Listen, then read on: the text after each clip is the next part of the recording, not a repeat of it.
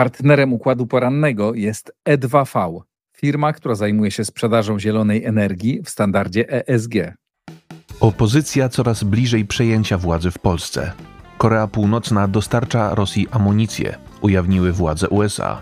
Rosjanie spowalniają tempo natarcia na Awdijiwkę. Izrael zaatakowany od strony Libanu. Jeśli Stany Zjednoczone wstrzymują pomoc dla Ukrainy, armia rosyjska wejdzie do Polski, mówi prezydent Biden. Ekwador ma 35-letniego prezydenta. Wtorek 17 października to jest układ poranny. Michał Ziomek, zapraszam. Wszystko wskazuje na to, że partie opozycyjne przejmą władzę w Polsce. Dane z komisji wyborczych w Polsce potwierdzają wyniki sondaży. Według danych z ponad 99% obwodów niepełne wyniki wyborów wyglądają następująco. Prawo i Sprawiedliwość 35,64%, Koalicja Obywatelska 30,48%, Trzecia Droga 14,43%, Lewica 8,55%, Konfederacja 7,14%.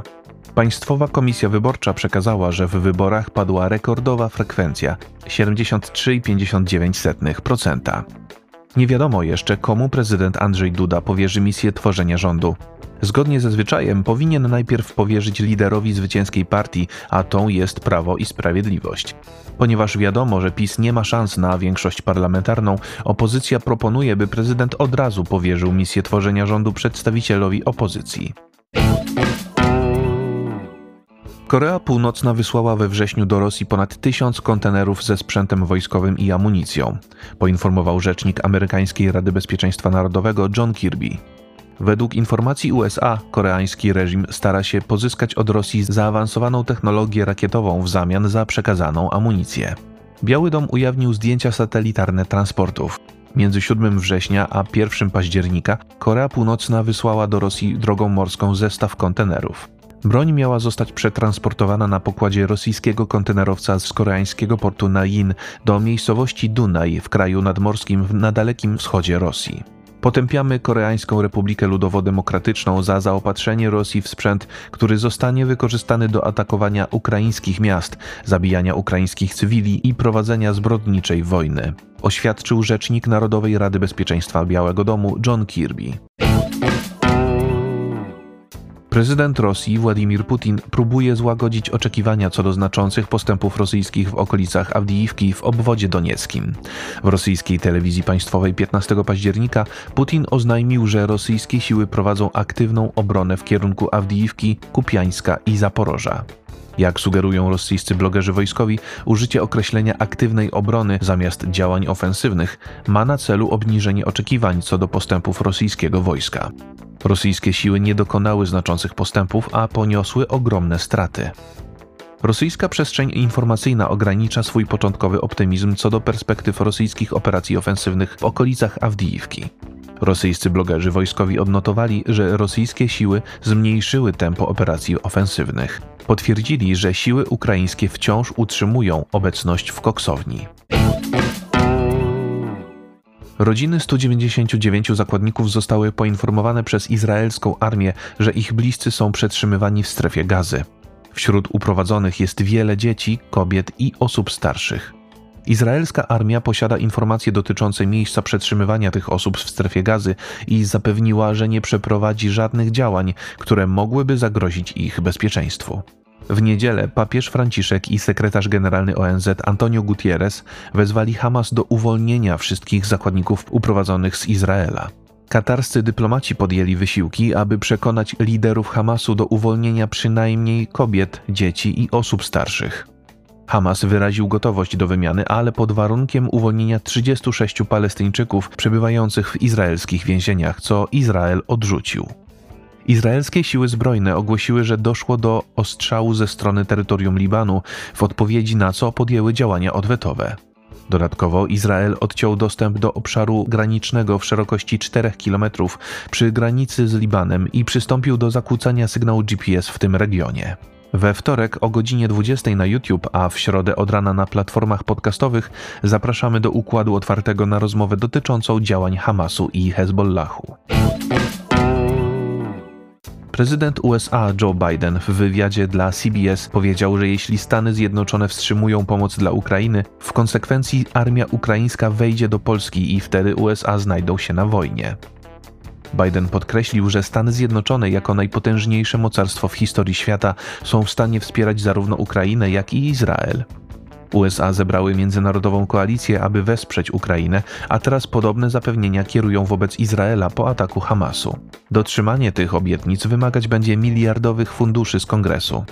Biały Dom poinformował, że wkrótce skończą się pieniądze na pomoc Ukrainie, a pierwotna prośba o 24 miliardy dolarów nie została uwzględniona w tymczasowej ustawie o wydatkach. Biden zapewnił, że Stany Zjednoczone mogą wspierać oba kraje jednocześnie. Mamy możliwości, by to zrobić i mamy obowiązek. Jeśli nie my, to kto?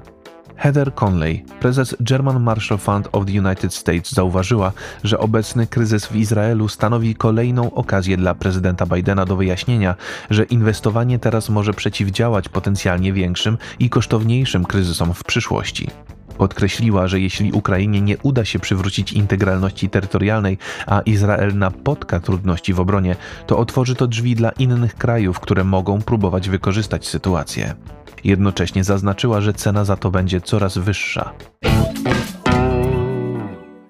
W Ekwadorze odbyła się druga tura wyborów prezydenckich. Nowym prezydentem kraju został Daniel Noboa. Centrowy Noboa wygrał ze swoją lewicową konkurentką Luizą González. Mający 35 lat Noboa jest najmłodszym prezydentem w historii Ekwadoru. Reprezentuje on założoną przez Edwina Moreno partię Ekwadorczyk Zjednoczony. Proponuje on militaryzację kraju oraz neoliberalne rozwiązania ekonomiczne. W wieku 18 lat Noboa otworzył firmę zajmującą się organizacją eventów, a następnie dołączył do firmy swojego ojca, gdzie zajmował stanowiska kierownicze w obszarach spedycji, logistyki i handlu.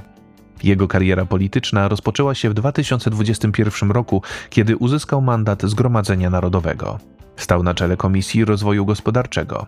Jego ojciec Alvaro Noboa pięciokrotnie bezskutecznie ubiegał się o urząd prezydenta. Tuż po ogłoszeniu wyników, nowy prezydent w towarzystwie uzbrojonych żołnierzy wszedł na scenę i powiedział, że jutro zaczniemy pracować na rzecz nowego Ekwadoru, aby odbudować kraj dotknięty przemocą, korupcją i nienawiścią. Planowo wybory w Ekwadorze miały się odbyć w 2025 roku, jednak w maju bieżącego roku Guillermo Lasso, dotychczasowy prezydent, rozwiązał parlament.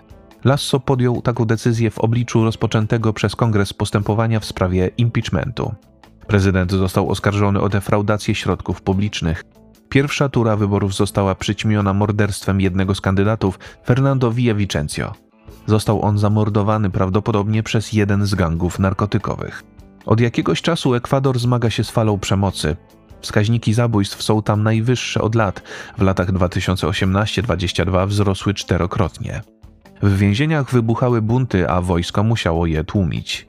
Kwestia bezpieczeństwa stała się głównym tematem kampanii wyborczej.